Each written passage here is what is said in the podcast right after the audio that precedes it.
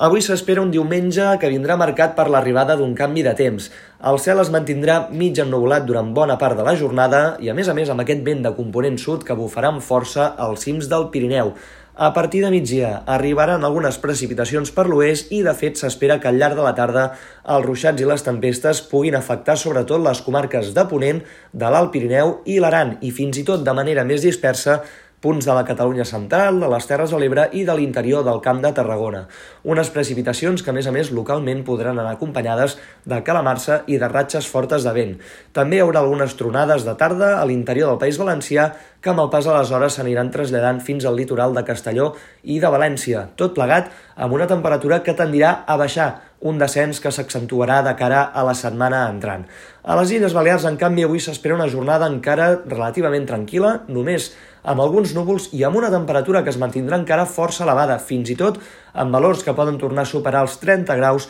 al nord-est de l'illa de Mallorca. De cara a demà, però, la temperatura també baixarà a l'arxipèlag balear